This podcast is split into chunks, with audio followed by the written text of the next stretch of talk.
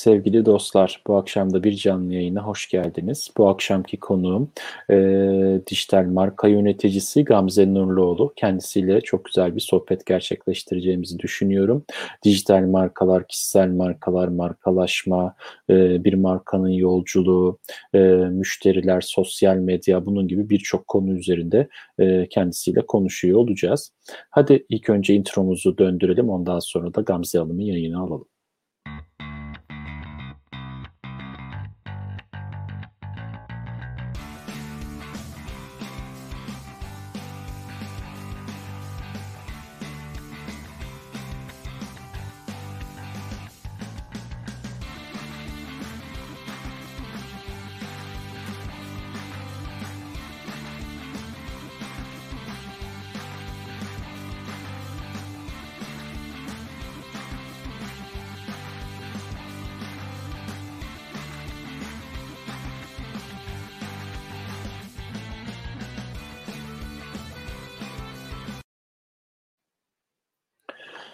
Evet, artık Gamze'yi de yayına alalım ve başlayalım. Gamze merhaba. Merhaba. Merhaba. Nasılsın? İyiyim. Sen nasılsın? Nasıl gidiyor? Vallahi iyi olsun. Londra'dan ee, böyle. Saat evet. burada 6 şu anda. Hava saat genelde 4 gibi falan kararmaya başladı artık burada. Bilmiyorum Türkiye'de durumlar nasıl ama. Evet, akşam 9 oldu ve evlerimize kapandık. aynen, aynen, aynen öyle. Türkiye'de de bir de öyle bir durum var gerçekten. Evet. evet. Peki bakalım. O zaman e, ben seni sorularla biraz terletmeden önce istersen şöyle yapalım. E, sen bize kendini tanıt. Gamze Nurluoğlu kimdir? O zaman önce tanışalım. İzleyenler arasında tanıştıklarımız muhakkak vardır ama tanımayanlar için ben Gamze Nurluoğlu. Uzun yıllardır reklam alanında çalışıyorum ve markaların dijital yolculuklarını tasarlıyorum, marka yolculuklarını tasarlıyorum. Birçok farklı şirkete hizmet, eğitim ve danışmanlık verdim ve vermeye de devam ediyorum. 2021 içinde yine markalarımızla beraber yolumuza devam edip yolculuklarını şekillendireceğiz. Bugün de sizinle keyifli konular konuşmak için buradayım. Süper, süper, harika. Peki o zaman hani birazcık şöyle kavramsal şeylerden başlayalım isterim ben. Hani çünkü e, gün anladığım kadarıyla hani e, oturum boyunca bunları konuşuyor olacağız. E, o yüzden kavramlar önemli. E, bu dijital kimlik diye bir kavram var. Bu kavram nedir? Senden bir öğrenmek isterim ben. Hani ne işe yarar, nedir dijital kimlik, neden önemlidir? Aslında şöyle, dijital kimlik dediğimiz şey markaların bütün dijital yolculuklarını bir arada barındıran bir kılavuz ve bir anlatım şeklinden bahsediyoruz. Türkiye'de özellikle son bir, bir buçuk yıldır dijital kimlikten konuşmaya başladık. Daha önce konuşuyorduk evet ama adına dijital kimlik demiyorduk. Ve özellikle son dönemde biz konuşmaya başladık biraz dijital kimlikleriniz ne durumda şöyle mi böyle mi diye. Yurt dışında daha çok kullanılan bir kavramdı ama Türkiye'de sadece kurumsal kimlik ve dijital versiyonu denildi. Biz de dedik ki kurumsal kimlik tamam zaten olması gerekiyor ki dijital kimlikler buna göre hazırlanır ama dijital kimlik tam olarak bir kurumsal kimliğin dijitalize edilmiş hali değil. Daha geniş kapsamlı, dijitale göre özenle hazırlanmış, kurumsal kimliğin elden geçirilmesi ve dijitale uygun hale getirilmesini amaçlayan, gelecek dijital planları ve stratejileri barındıran bir kılavuz. Ve bu kılavuz kurumsal kimlikler gibi bunu yapalım 10 yıl sonra tekrardan bakarız değil. Her yıl gözden geçirip yenilenmesi gereken, markanın stratejilerine göre ele alınması gereken bir kılavuz şeklinde karşımıza çıkıyor aslında. Evet, sesini duyamıyorum şu anda. Pardon evet. Ee, bayağı kapsamlı bir konu aslında gördüğüm kadarıyla öyle çok basit bir içerikten bahsetmiyoruz dijital kimlik dediğimiz zaman. Ee, evet bunu öğrendiğimiz iyi oldu. Peki o zaman şeyi de bir birazcık irdeleyelim isterim. Bu kişisel markalaşmak ya da kişisel marka edinmek, kişisel bir şekilde marka e, haline gelmek gibi kavramlar var. Hani bu kişisel markalaşmak tam olarak ne demek? Aslında şöyle, Biz bugüne kadar yani son iki yıla kadar hep şirketleri konuştuk. Onların markalaşma sürecini konuştuk. Ama dijitalin bu kadar hayatımıza girmesi, sosyal medya kanallarının bizi bu kadar öne çıkarmasıyla başka bir şey oldu. Biz sadece işin yapılış şekline değil ya da bir şirketin işi yapmasına değil, o şirkette işi kim yapıyor? Ya da o işi yapan kişi nasıl yapıyor? Onun background'u ne? Sosyal medyada nasıl konuşuyor diye diye aslında kişi markaları ön plana çıkmaya başladı.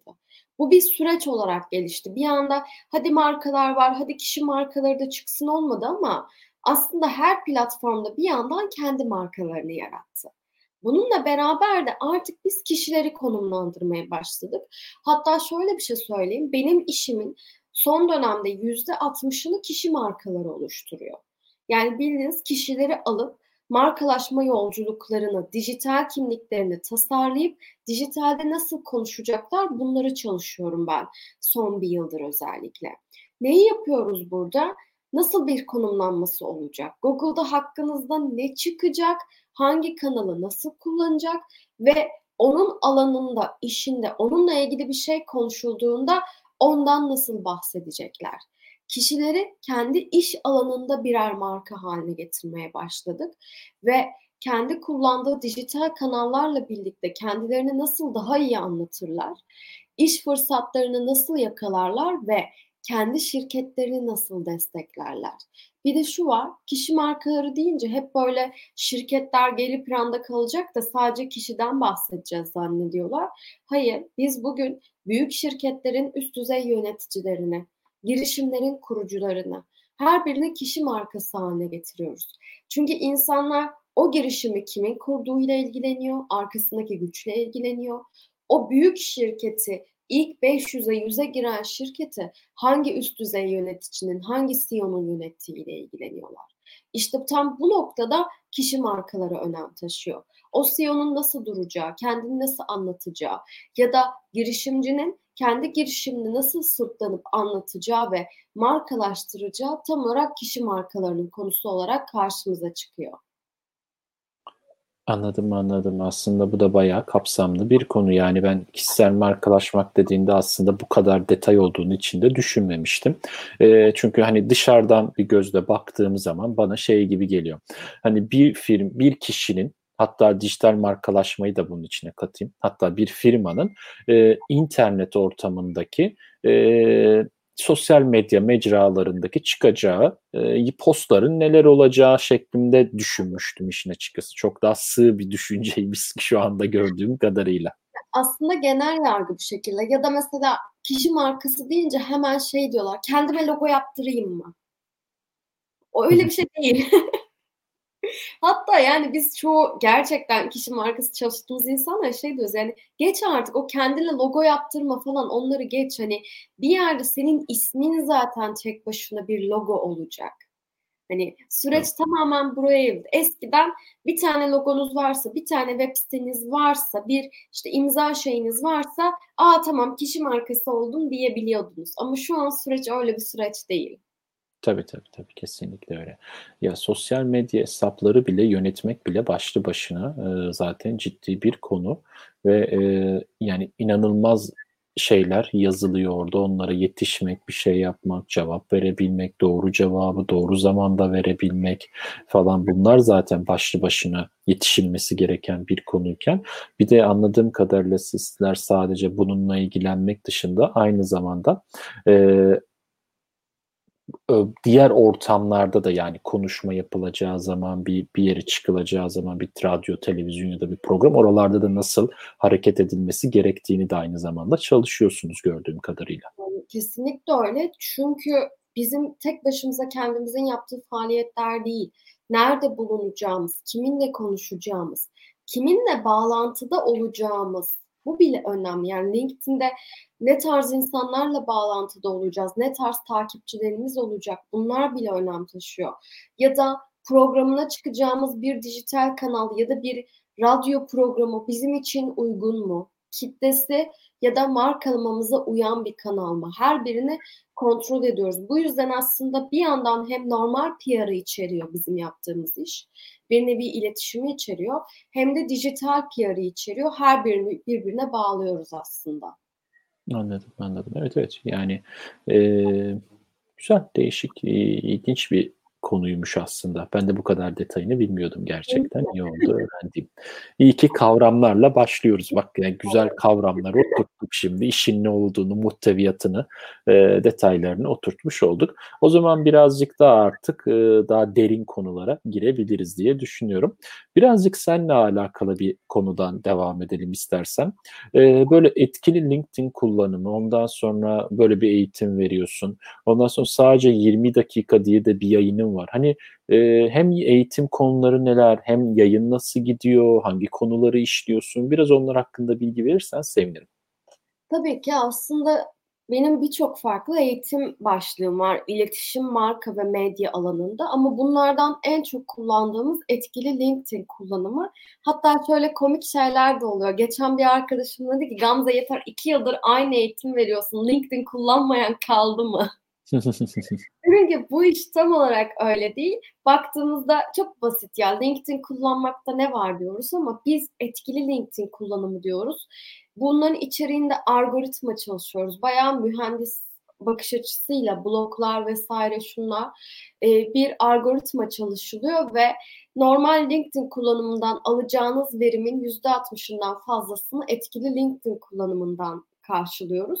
Ki bu eğitimin içerisinde biz aslında onu öyle yap, bunu böyle yap değil, kişisel markalamada etkili koyuyoruz. Aslında siz bu eğitimi aldığınızda hem LinkedIn'i daha iyi kullanıyorsunuz hem de LinkedIn'de kişisel markanızı oluşturuyorsunuz. Kendinizi konumlandırıyorsunuz. Zaten artık ya verdiğimiz tüm eğitimlerin temelinde önce marka anlatarak başlıyoruz biz. Ne olursa olsun ilk 20 dakika marka ne, nasıl konumlanır, algınız ne, dijital ne bunları bilip bunları anlayalım istiyoruz. Ardından da aslında nasıl kullanırız, nasıl içerik oluştururuz, kendimizi nasıl anlatırız, hiçbir zarara uğramadan nasıl kullanırız. Çünkü özellikle beyaz yaka kurumsal tarafta LinkedIn kullanımının çok büyük zararları da oluyor ya da girişimciler şirketlerine zarar verebiliyor. Bu zararları minimize ederek nasıl kullanırız? Bunu tasarlıyoruz. Dediğim gibi en çok verdiğimiz eğitimlerden bir tanesi bu. Diğer taraftan şirketlerin markalaşma sürecindeki eğitimler geliyor. Onları işliyoruz ve son dönemde yine şimdi 2021 geliyor onu da çalışacağız içerik oluşturma. Çünkü bir platformu ayakta tutan şey içerik. İçerik nasıl oluşturabilirler? Bunların birer metin yazarı gözünden eğitimlerini veriyoruz. E, içerik deyince de aslında insanların üretmeleri, kendilerini anlatmaları geliyor. Bizim kendimi anla- anlattığımız yerde sadece 20 dakika yayınları. Bana hep şey çok sor. Neden 20 dakika? Yani sınırsız konuşabilirsin vesaire diye.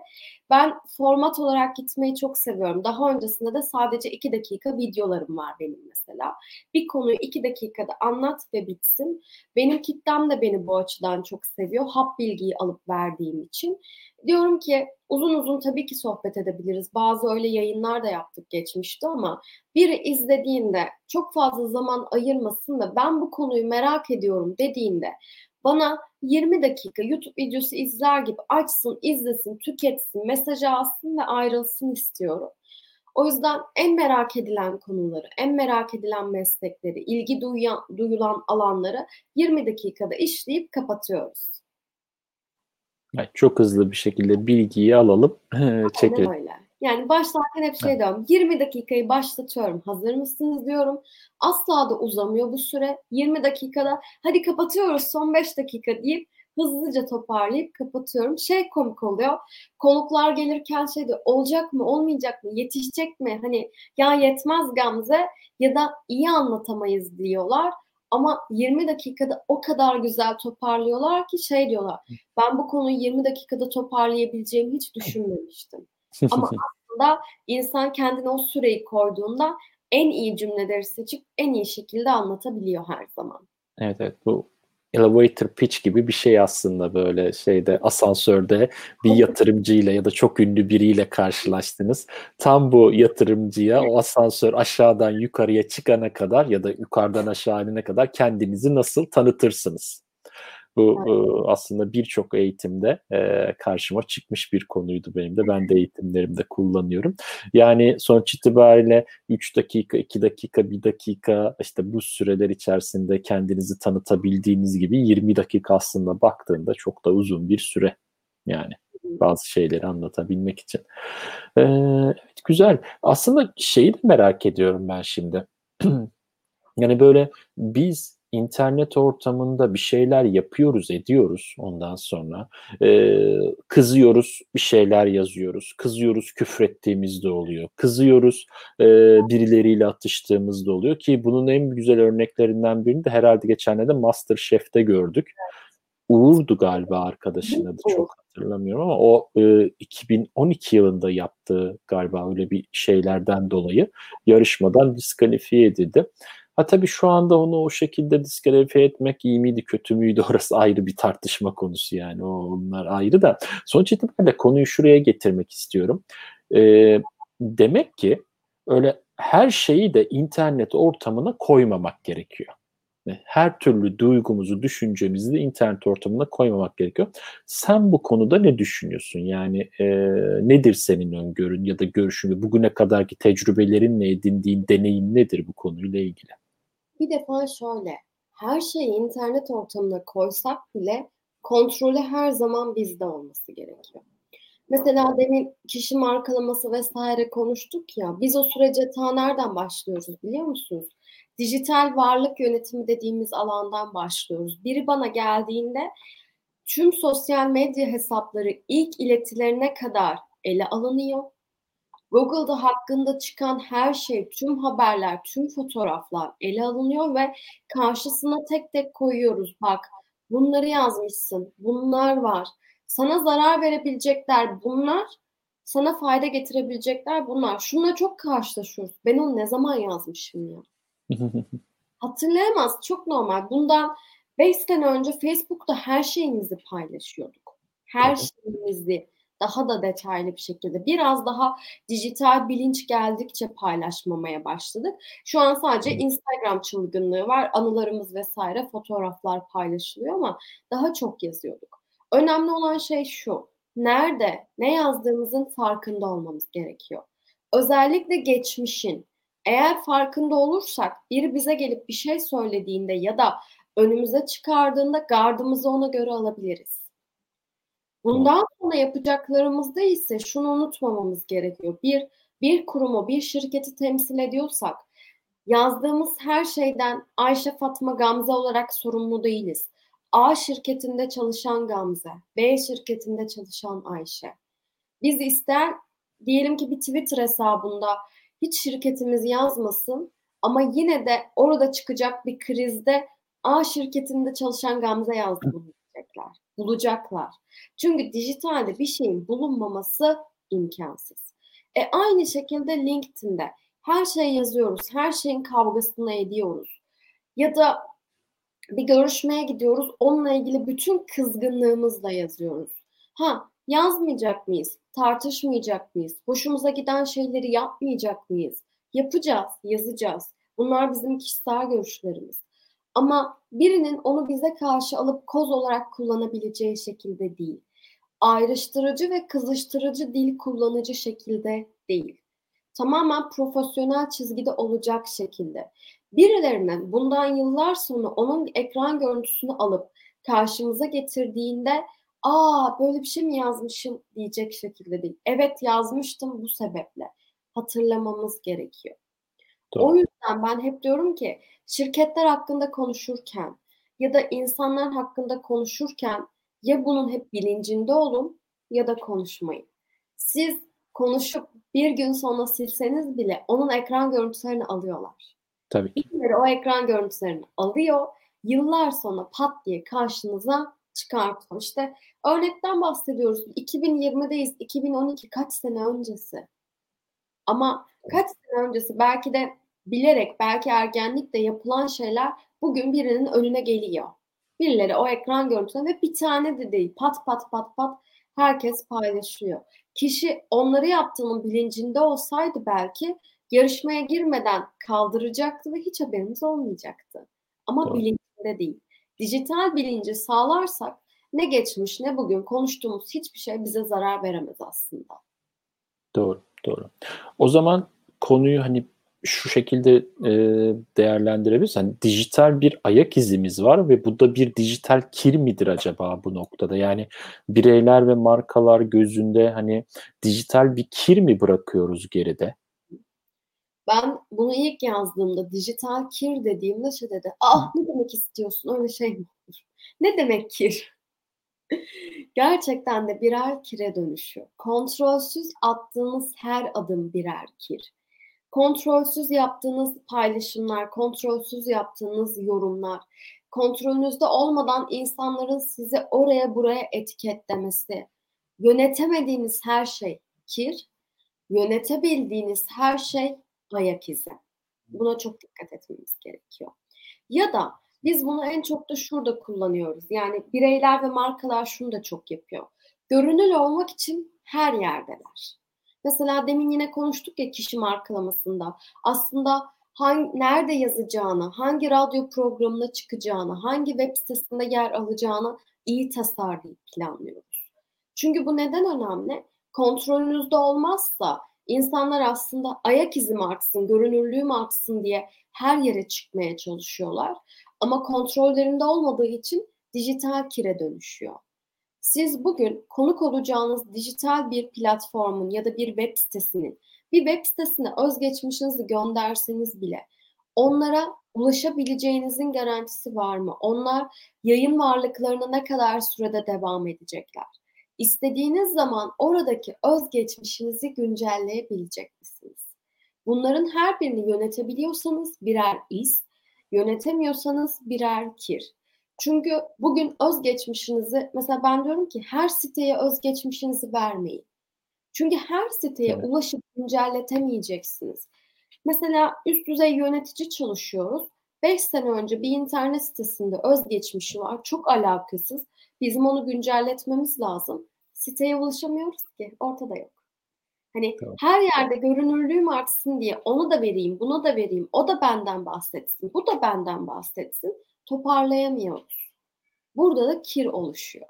Halbuki yönetebilsek harika birer ayak izi oluşturacaktık. O yüzden artık yönetebileceğimiz şeylere iz, yönetemediklerimize kir deyip o kiri de temizlemeye dijital varlık yönetimiyle başlıyoruz. Anladım, anladım. Evet konu e, gayet güzel oturmaya başladı sanıyorum. Yani e, bizi izleyenler sanıyorum şu mesajı almışlardır.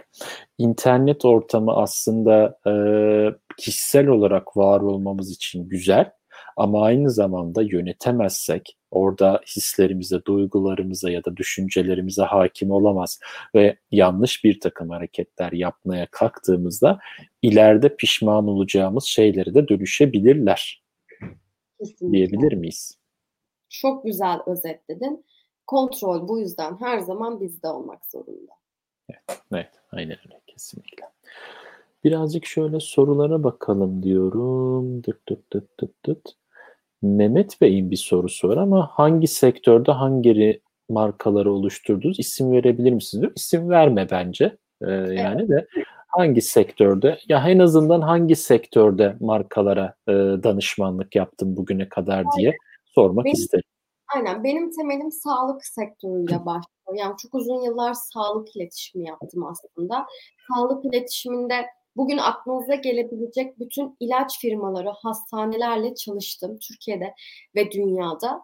Onların yolculuklarını tasarladık. Sağlığın ardından turizm geliyor en çok çalıştığım turizmde yer aldım. Hem bizzat kurumsalda çalıştım hem İstanbul'daki mevcut birçok oteli yönettim. Ardından da zaten hizmet sektöründe irili ufaklı birçok farklı markaya hizmet verdik ve vermeye de devam ediyoruz. Ama en çok yoğunlaştığım iki alan sağlık ve turizm oldu. Çok güzel. Peki bakalım. Sağlık ve turizm. Ee, ve senden eğitim almış bir arkadaşımız Cenk de. Çok keyifli ve kaliteliydi diyor. Teşekkür ediyor sana. Ee, bu şekilde bunları böyle geçelim madem öyle. O zaman hadi birazcık da e, şunu konuşalım. Bak bu konuda, bu şimdi soracağım soru konusunda benim de bir e, şeyim var, anım var. Sana onu da anlatacağım sonrasında. E, müşterilerimizi nasıl marka savunucusu yapabiliriz diye bir soru sormak isterim. Tamam. En zoru aslında. Bir yandan en zoru, bir yandan da en kolayı. Burada önemli olan şey şu müşterilerinize karşı açık davrandığınızda, şeffaf davrandığınızda, sorunları sümen altı etmeyip çözmeye çalıştığınızda müşteri sadakati dediğimiz şey oluşuyor ve marka savunucuları oluşmaya başlıyor. Ama bizim tarafta yani özellikle Türkiye'deki markalarda şu var. Aman benim hakkımda olumsuz bir şey yazmasın. Aman yorum mu yaptı? Hemen yorumu kaldıralım. Halbuki şu oluyor. Biz diyoruz ki olumsuz mu yaptı? Bırakın kalsın. Siz o problemi diyor ki mesela kaldıralım DM'den çözelim. Diyorum ki kaldırmayalım açık açık çözelim. İnsanlar çünkü artık şunun farkındalar. Sorunsuz hiçbir marka olamaz. Üründe sorun olmasa tedarikte oluyor. Tedarikte olmasa kargoda oluyor. E kargodaki sorun da dönüyor dolaşıyor markaya yansıyor. Bırakın açıkta kalsın ve siz sorunu açıktan çözün. Orada şunu desin. Aa sorunumu çözdü. Benimle ilgileniyor. Bana açık davranıyor. Yapamadığınız zaman yapamadık değil. Problem vardı halledeceğiz değil. Telafi etmeye çalışın. Tüm bu açıklık ve şeffafı oluşturduğunuzda ve biz hep şunu dedik 2020 bağ kurma yılı olacak. Bağ kurmayı başardığınızda ki pandemiyle beraber gerçekten de müşterileriyle bağ kurabilen markalar ön plana çıktı. Bunu başardığınızda insanlar kendisi marka savunucusu oluyor. Ne oluyor mesela? Biri problem yaşadığında gidiyor altına şunu yazıyor. Ya siz problem yaşıyorsunuz ama ben de yaşamıştım. Marka çözüyor emin olun. Çünkü çözüldü problemi. Daha önce yaşadı. Hep bu ağızdan ağza pazarlama dediğimiz olaylar var ya böyle gerçekleşiyor ve onlar marka savunucularını yaratıyor. Yorum silerek, kötü anıları yok ederek olmuyor. Kötünün üstüne giderek ve çözerek gerçekleşiyor. E bir de tabii ki sadakati oluşturmanız lazım. Yani arada markaların tüketicilere yararlar sağlaması, havuçlar vermesi, değerli hissettirmesi gerekiyor. Arada indirimler yapması gerekiyor ama bu e, kişiyi salak yerine koyan, yükseltip indirme değil. Gerçekten özel hissettirecek indirimler. E, kişisel dönemleri hatırlayıp onlara özel indirimler yapması gerekiyor. Kendini değerli hissetsin diye. Tüm bu süreçte aslında kendi marka savunucularını yaratan sürece gidiyor bir nevi.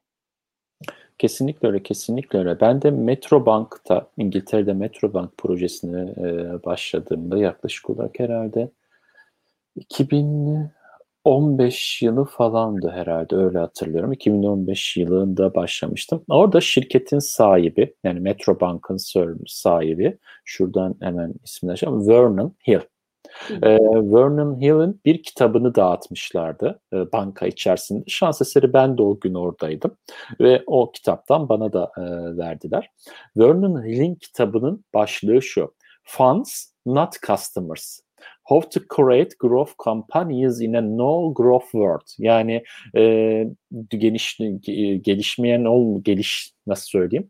E, geliştirmenin olmadığı, genişleyemediğiniz dünyada müşterilerinizle nasıl genişlersiniz? Müşterileriniz sizin, müşteri edinmeyin, fan edinin şeklinde e, şey yapabiliriz, çevirebiliriz. Ee, ve bu kitabı aldım okudum. Gerçekten çok ilginç bilgiler vardı. Yani müşteri edinmeyin, fan edinin şeklinde ilerleyen bir bankaydı. Ve Metrobank e, 100 yıl sonra açılan ilk street bank İngiltere'de yani caddede açılan, sokaklarda açılan ilk banka. 100 yıldır banka açılmıyormuş İngiltere'de yani şey şubeler şeklinde. E, tabii online bankacılık falan o tarz şirketler açılmış, öyle finans kurumları açılmış ama sokaklarda, caddelerde şube olarak açılan 100 yıl sonra ilk defa bir banka açılmış ve inanılmaz bir hızla büyüdü. E, e tabii bizim yaptığımız sistemlerin de biraz etkisi vardır orada yani çok da güzel yaptık da biraz ondan da tabii hızlı oldu ama e, müşteri ilişkileri alanında sonuçta ben de e, çalıştım yazılımları ürettiğimiz için. E, ama şey bu motto her zaman benim kulağıma küpedir yani. Kesinlikle her zaman bunu e, savunurum. Kendinize müşteri değil fan edinin şeklinde bir motto ve çok hoşuma gitmişti duyduğumda da e, bu söz. E, kesinlikle marka savunucusu aslında yapmaları gerekiyor firmaların kendilerine ve hani değindiğin noktaya bakacak olursak gerçekten oradaki sosyal medyadaki e, yazılmış olan yorumları ya da iyi ya da kötü eleştirileri silerek değil, onları çözerek ilerlemek gerçekten markalar için çok değerli. Burada küçük de bir reklam yapmak istiyorum. Bizim e, ürünümüz Flexi.com adresinden ulaşabileceğiniz Flexi de aynı zamanda e, markaların WhatsApp, Facebook, Twitter üzerinden tamamen e, size ulaşan müşterilere hızlı bir şekilde otomatik yanıt vermesini sağlayan bir sistem ve bu sayede müşterileri e, marka bilinirliği konusunda önemli noktaya getiriyor. Yani markanızı marka savunucuları e, kazandırabilirsiniz bu tarz sistemler sayesinde. Bunu da böylece hani yeri gelmişken değinmek istedim. Bir de şu var, sen bahsetmişken bir şey daha demek istiyorum. Gerçekten de bu hani Flexi de çok iyi bir program ve cevap verme çok önemli. Ma- yani müşteriye kalkıp 3 gün sonra cevap verdikten sonra hiçbir önemi yok. Kesinlikle. Ya da mesela cevap veriyorsun ama web sitenizde var. Ya adam senden duymak istiyor onu. Ya özellikle Instagram artık bir CRM yerine dönüşüyor ve sen orada müşteri iletişimi yapıyorsun. E bizim bu web sitemizde yazıyor git bak. Adam zaten onu akıl edebilecek konumda. Ama onu senden duymak istiyor. Çünkü aa bana cevap verdi hissiyatı oluşsun istiyor. O yüzden neyi nasıl cevapladığımız, ne kadar sürede cevapladığımız da her biri çok büyük önem taşıyor aslında. Kesinlikle bazen hani bir, bir kere başıma geldi bir uçak firmasıyla ilgili hani e, firma diyor ki web sitemizden şu şu adrese gir tam orada işte şöyle şöyle bir form olacak onu doldur. Ya arkadaş dönüyorum dolaşıyorum sayfanın içinde o form yok oraya bakıyorum buraya bakıyorum o form yok. Yani oraya tıklıyorum açılmıyor buraya tıklıyorum açılmıyor. En sonunda işte müşteri temsiline bağlandım aradım 15-20 dakika telefonda bekledikten sonra müşteri temsiline ulaştım. E, diyor ki siz oradaki oradaki linke bilmem neye girdikten sonra orada link var oraya da tıklayın oradan form açılacak. Arkadaş şunu görünür yap. deneyim Yani görünür yap bu kadar basit. Yani bu kadar menülerin içine gizlemeye ne gerek var? Yani e, işte müşterileri e, bazen de bulamıyoruz. Gerçekten de bulamıyoruz. Yani çok karmaşık geliyor sistemler, e, web siteleri. Aslında pat diye linki gönderilmesi gerekiyor mesela yani. Yani. Yani. Onlar gideyim gideyim ben de şey diyeyim ya ben bulamamıştım bak adamlar bana hemen gönderdi sağ olsunlar tıkladım diyeyim yani. Aynen. Çok daha ilgincini söyleyeyim. Hatta bu firma e, WhatsApp üzerinden de bir e, asistanı var. WhatsApp üzerinden de hani cevap verdiğini söylüyor. WhatsApp üzerindeki asistanı üzerinden de yazıştım. Hani oradan linki versin tıklayayım. Yok arkadaş oradan da ulaşamadım yani en son aramak zorunda kalmıştım. Bunun aslında şöyle bir problemi var yani. O da çok önemli bir nokta. Gerçek marka savunucusu yaratmak istiyorsanız biraz özellikle müşteri iletişim noktasında kişilere de inisiyatif almaları için alan tanımasını lazım. Mesela o noktada belki onun link gönderme gibi bir prosesi yok. Ama inisiyatif alma yetkisi olursa sizi mutlu etmek için linki yollar ve biter. Aynen. Biraz müşteri iletişimi yapan tarafa da markalar inisiyatif için açık kapı bırakmalı. Orada da şu oluşuyor. Normalde bunu yapması görevi değil, benim için yaptı. Ve markaya daha da bağlıyor insanı. Kesinlikle. Kesinlikle. Katılıyorum. Peki o zaman hani şunu da e, düşünmüyor değilim. Hani senin söylediklerini, hikayelerini dinleyince aslında sosyal medyada eğitim almadan ilerlemek ya da geleceği düşünmeden bir şeyler yapmak da hani riskli geldi bana. Bilmiyorum katılıyor musun buna biraz önceki e, dijital kir konusunda konuşunca? Yani aslında evet riskli. Yani bu işte eğitim deyince hep şey zannediliyor. Başta da söyledik yani. Nasıl kullanmakta ne var? Hani zaten sana hesabı açıp profil fotoğrafını nasıl ekleyeceğini zaten bunlar değil olayımız. Ama işte bu eğitimlerde bilinç kazandırıyoruz. Nasıl davranacağın hakkında yönlendirme kazandırıyoruz. Sana nasıl yarar sağlar onu kazandırıyoruz. Şu bir gerçek. Eskiden ilk başlarda sosyal medya dediğimiz şey insanların içine girip bütün özgür alanını yaşayıp saçmaladıkları yerde. Hatta son dönemde TikTok'un sevilmesi ve eleştirilmesinin sebebi de bu. Kimse hiçbir şeyi düşünmeden istediği gibi saçmalıyor. Ama bütünüyle baktığımızda sosyal medya bizim artık saçmaladığımız yer değil. Bugün biz sosyal medya regülasyonlarını konuşuyoruz. İçine girip özgürce saçmalayamazsınız. Bilinçli davranmanız gerekiyor. Bugün içine girip özgürce saçmaladığını düşündüğünüz TikTok'ta bile artık regülasyonlar var. Orada bile artık istediğiniz gibi saçmalayamıyorsunuz. Çünkü o videolar bile alınıp birçok farklı yere yayılıyor. O yüzden bu eğitimlerle bilinci sağlayıp stratejik adımları planlamak açısından bizim için önemli. Özellikle bir şeyi temsil ediyorsanız, bir kurumu temsil ediyorsanız ve bir kariyer hedefiniz varsa ki ileride o kariyere ya da o şirkete herhangi bir zarar gelmesin. Kesinlikle. Kesinlikle. Katılıyorum. Evet, o zaman birazcık daha şöyle değişik bir yani konunun değişik bir açısından bakalım. İşletmelerin sosyal medya mecralarında olgunluğa erişme süreci sence nasıl ilerlemektedir? Yani ilk başta benim kendi düşüncemi söyleyeyim. Böyle paldır küldür giriyorlar. Hesaplar açılıyor. Ondan sonra 3-5 bir şey paylaşılıyor. Ondan sonra e, iki sene boyunca bir tane post yok gibi bir şeyler görüyorum ben. Sen nasıl değerlendiriyorsun bu durumu? Bir şey daha ekleyeyim. Sonra da özel gün çöplüğüne dönüyor. Arka arkaya bakıyorsun. Özel gün kutlanmış, özel gün kutlanmış. Kutlu olsun, kutlu olsun, kutlu olsun. Şirket nerede? Yok. Şirket neyi anlatıyor? Yok. Sen ne satıyorsun? Yok. Ama baktığında e, sosyal medya iletişim yapıyor musunuz dediğimde aa evet yapıyoruz. Bizim bir özel gün takvimimiz var. Sürekli onu paylaşıyoruz. Evet, süper. Aslında şöyle. Biz şirketlere diyoruz ki Hatta yeni açılan şirketlerde de şu algı var. Mesela girişimlerde ben çok fazla girişim mentorluğu da yapıyorum. Hep karşılaşıyorum. Diyorlar ki girişimi açalım, canlıya alalım. Biraz işlerimiz gitsin, birkaç yıl geçsin. Sonra iletişime başlarız. Şimdi öyle hesapları açalım. E bu sefer ne oluyor? Birikiyor, birikiyor, birikiyor. Biz geçmişi diyorum ya dönüp geçmişi toparlıyoruz. Geçmişi toparlamakla neredeyse bir 6 ay harcıyoruz. O yüzden şirketler bugün düzenli iletişim yapmasalar dahi en azından bir dijital kimlik oluşturarak varlıklarını toparlar ve bir sistem oluştururlarsa hem oradaki varlıklarını daha iyi yönetirler hem de aslında o gelmek istedikleri seviyeye daha hızlı gelirler. Ben şu kadar bilinirliğe ulaşayım, öyle iletişim yapacağım işte şu kadar satış bir yapayım da ondan sonra sosyal medyaya önem veririm. Aslında sen sosyal medyaya önem versen marka bilinirliğin de artacak, satışın da artacak.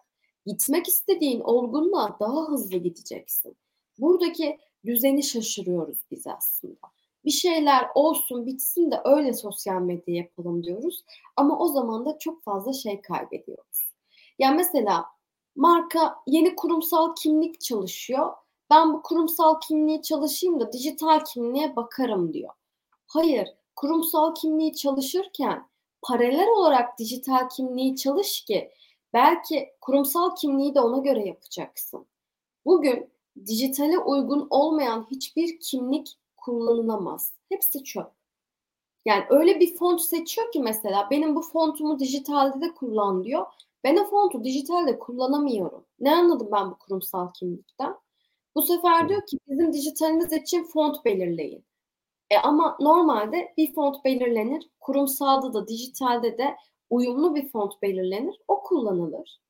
E ne oldu? Sen aylarca kurumsal için ajans çalıştırdın. Şunu yaptın, bunu yaptın. Ben hepsini aldım. Hop dijitalde ne yapacağım? Hadi tekrar çalışalım. E ne oldu? Hiçbir şey, her şey elimizde patladı. O yüzden bir olgunluğa erişmeyi beklemeyip ilk adımı atarken artık dijitali göz önünde bulundurmamız gerekiyor. Doğru, doğru kesinlikle. Yani her şeyi baştan sağma yapmak yerine bir kere de oturup her şeyin düzenli, planlı, programlı yapılması gerekiyor kesinlikle sana. Mesela ben şunu söylüyorum. Özellikle yeni başlayan şirketler hani tabii ki her ay bir ajansla, bir şirketle çalışacak bütçeyi ayarlayamıyorlar. Bunu çok iyi anlayabiliyorum. Hatta bu yüzden onlara biz mesela farklı çözümler sunuyorum ben. Diyorum ki benle her ay çalışmak istese bile ben bazen çalışmıyorum. Çünkü sen bu bütçeyi karşılayamazsın ve bunu vermek seni mutsuz edecek. Bunu bana verme. Ben seni eğiteyim. İçeriye adam al. İçerideki adamını eğiteyim. Çünkü adama başka sorumluluklar da vereceksin vesaire vesaire. Sürdürülebilir bir iletişim olacak. Bana belki sadece 6 aylık bütçen var. Bana 3 ayda ben senin adamını eğitirim. O adamla 2 yıl bile çalışırsın. Geri geldiğinde böyle ara çözümler sunuyoruz ve aslında o benim bütçem yok ben şu an bunu yapamam dedikleri şeyde onlara bütçe yaratıyoruz. O yüzden ya ben aylık bir ajansla nasıl çalışacağım, çalışacağım, bütçem yok gibi şeylere takılmasınlar. Her zaman bir ara çözüm vardır ve doğru yöntem bulunur. Doğru, doğru. Kesinlikle, kesinlikle. O zaman bunu da göz önünde bulundurmak gerekiyor e, her zaman için. Peki o zaman diğer noktalara değinelim. Ee, şimdi şeyi de hani sormak isterim sana. Hani dijital dünya iş bulma ve biraz önce konuştuğumuz iş yapış şekillerimizi etkiledi işin açıkçası. Hani iş arayanlara bu noktada senin sosyal medya mecralarını e, kullanarak nasıl e, bir şeyler, nasıl önerilerde bulunmak istersin aslında bu tarz kişileri? iş arayan, özellikle spesifik olarak şu anda iş arayan kişilere. Şimdi şöyle bir şey Biz bu işe atıyorum LinkedIn'den, Kariyer.net'ten, şuradan, buradan başvurmasak dahi birileri geliyor. Diyelim ki elden de CV verdik. Hadi bir tanıdık verdi. Yine bize dijitalden bakıyor. Kesinlikle. O yüzden hangi işe başvurursanız başvurun. LinkedIn profiliniz derli toplu olması gerekiyor. Hani ben nasılsa LinkedIn'den başvurmadım, bana bakmazlar demiyoruz, toparlıyoruz. Çünkü biz LinkedIn için aslında dijitaldeki kişi kimlik yansımamız da bizim LinkedIn'dir. Kendimizi nasıl anlattığımız, nasıl bir profil fotoğrafımız olduğu, daha önceki deneyimlerimizi nasıl işlediğimiz, kimlerle bağlantıda olduğumuz, kimlere ne yorumlar yaptığımız, son beş faaliyetimize bakarlar mesela. O yüzden bir işe başvurmadan önce bir profilimizi toparlıyoruz, eksikleri gideriyoruz. Aynı şekilde Diğer hesaplarda ne yaptıklarımıza şöyle bir göz atıyoruz. Ya örnek veriyorum. Siz bir e, şirkete başvuruyorsunuzdur ve o şirketin aslında çalışan bazında hoş karşılamayacağı şeyler profilinizde barındırıyordur. Bakacaklar. Ha, onu barındırmasını farkındaysanız yine bilinç devreye giriyor. Ben farkındayım ve bu benim hayatım. Ben kendimi böyle yansıtacağım diyorsanız hiçbir problem yok. Aynen. Ama onun görünmesini istemiyorsanız o hayatın o zaman orayı gizleyeceksiniz. Bu benim özel hayatım, bu iş hayatım diye ayıracaksınız. Yine bilinçle hareket edeceksiniz. Çünkü yaptığınız her başvuruda sizinle ilgili konuşacaklar. Yaptığınız her başvuruda Google'da sizi arayacaklar. Ne çıkıyor? Hangi fotoğraflarınız çıkıyor? O fotoğraflardan sizi görebiliyorlar mı?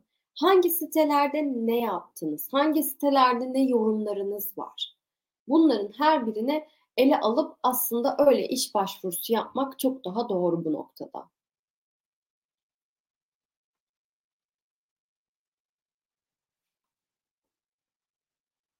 Sesin gitti. Evet. Sessize alıyorum da içeride ufaklıklar ses yapıyor bazen o karışmasın yayına falan diye böyle sessiz alıp unutuyorum onu.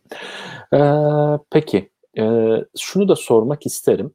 Hani bu ya genelde aslında bütün yayına katılan kişilere sorduğum bir e, konuklarıma sorduğum bir soru bu.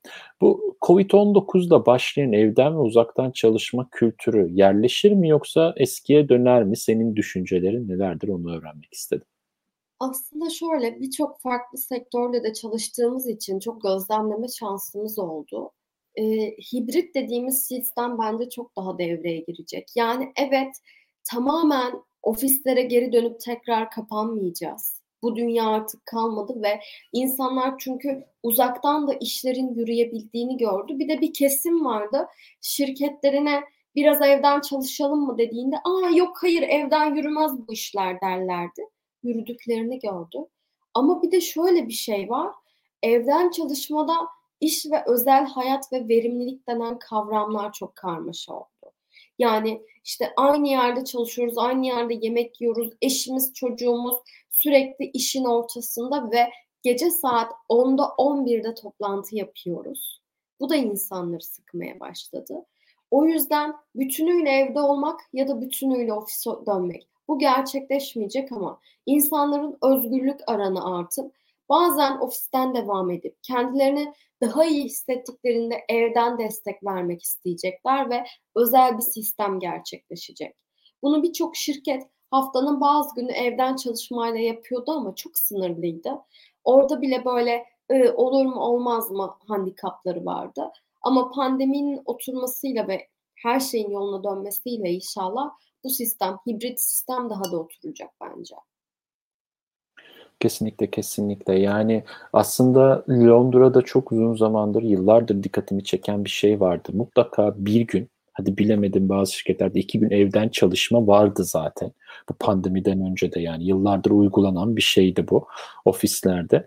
Ee, ve o bir gün iki gün aslında e, daha da kalıcı olacak. Yani minimum iki gün haline gelecek benim gördüğüm kadarıyla pandemi geçtikten sonra. Yani mesela şey vardı. Üretkenlik işi yapıyorsan yani bilgisayarın başında çok kod yazıyorsan beni zaten ofise kapatmanın hiçbir anlamı yok. Ben mesela son bir yıldır hibrit sistemde çalışıyordum. Çünkü hani ajanslarda da çalışırken şey diyordum. Ya ben oturacağım ve proje çıkartacağım ve şu an ekiple işim yok. Bugün ekiple çalışmayacağım.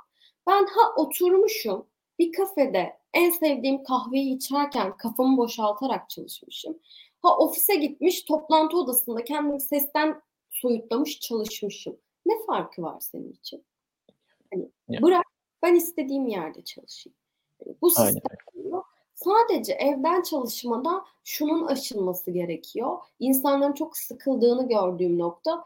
Eskiden iki dakikada telefonla halledebildiğimiz şeyi şu an sürekli Zoom'la hallediyoruz. Yani iki dakika arayacak, söyleyecek, kapatacağız. Şimdi şey, bir Zoom'a bağlanır mısınız? Neden? O Zoom'a bağlanmak insanların hayatına yarım saat çalıyor.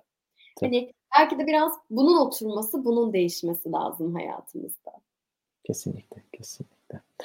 Evet yani e, hani ne kadar söylüyorum? 10 hadi bilemedin 15 yıldır zaten hibrit çalışan biriyim. O yüzden bunun verimliliğe e, artısını da çok iyi bir şekilde görmüş biriyim hayatımda.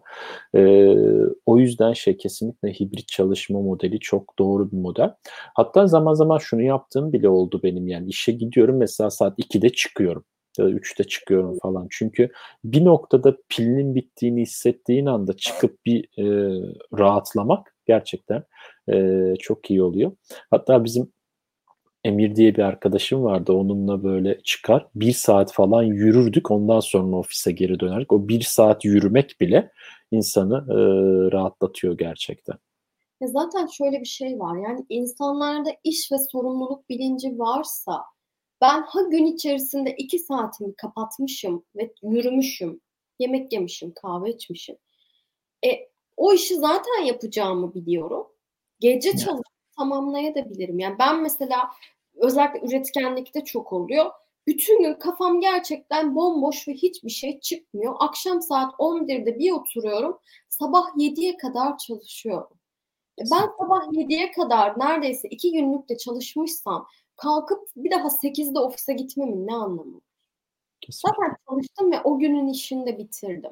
Ya sistemin hani keşke pandemiyle buna alışmasaydık, buna dönmeseydik ama en azından o açıdan bir farkındalık olmaya başladı.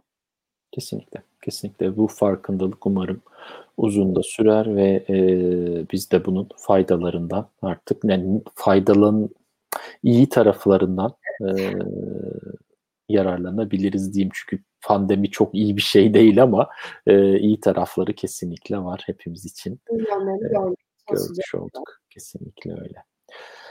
Evet Gamze o zaman ben sana teşekkür etmek isterim. Eee, bu yayın için. Gerçekten çok, eee, güzel bir yayın oldu. Umarım izleyenler için de çok verimli bir yayın olmuştur. Çok güzel bilgiler paylaştın bizimle. Eee, var mı son sözlerin? Onu alayım ve yayını kapatalım artık. Yani ben teşekkür ederim hem sana hem izleyen herkese. Uzun zamandır böyle hani bölük pörçük çok konuşuyorduk ama bu kadar hem kavramsal hem nokta atışı hani şöyle bir toparladığımız bir yayın olmamıştı. O açıdan çok keyifli de bir yayın oldu benim Süper. için. Burada olmak güzeldi. Harika. Çok teşekkür ederim yayına geldiğin için, beni kırmadığın için. Eee, evet dostlar, teşekkür ediyorum sizlere de dinlediğiniz için. Kendinize iyi bakın. Görüşmek üzere. Hoşça kalın.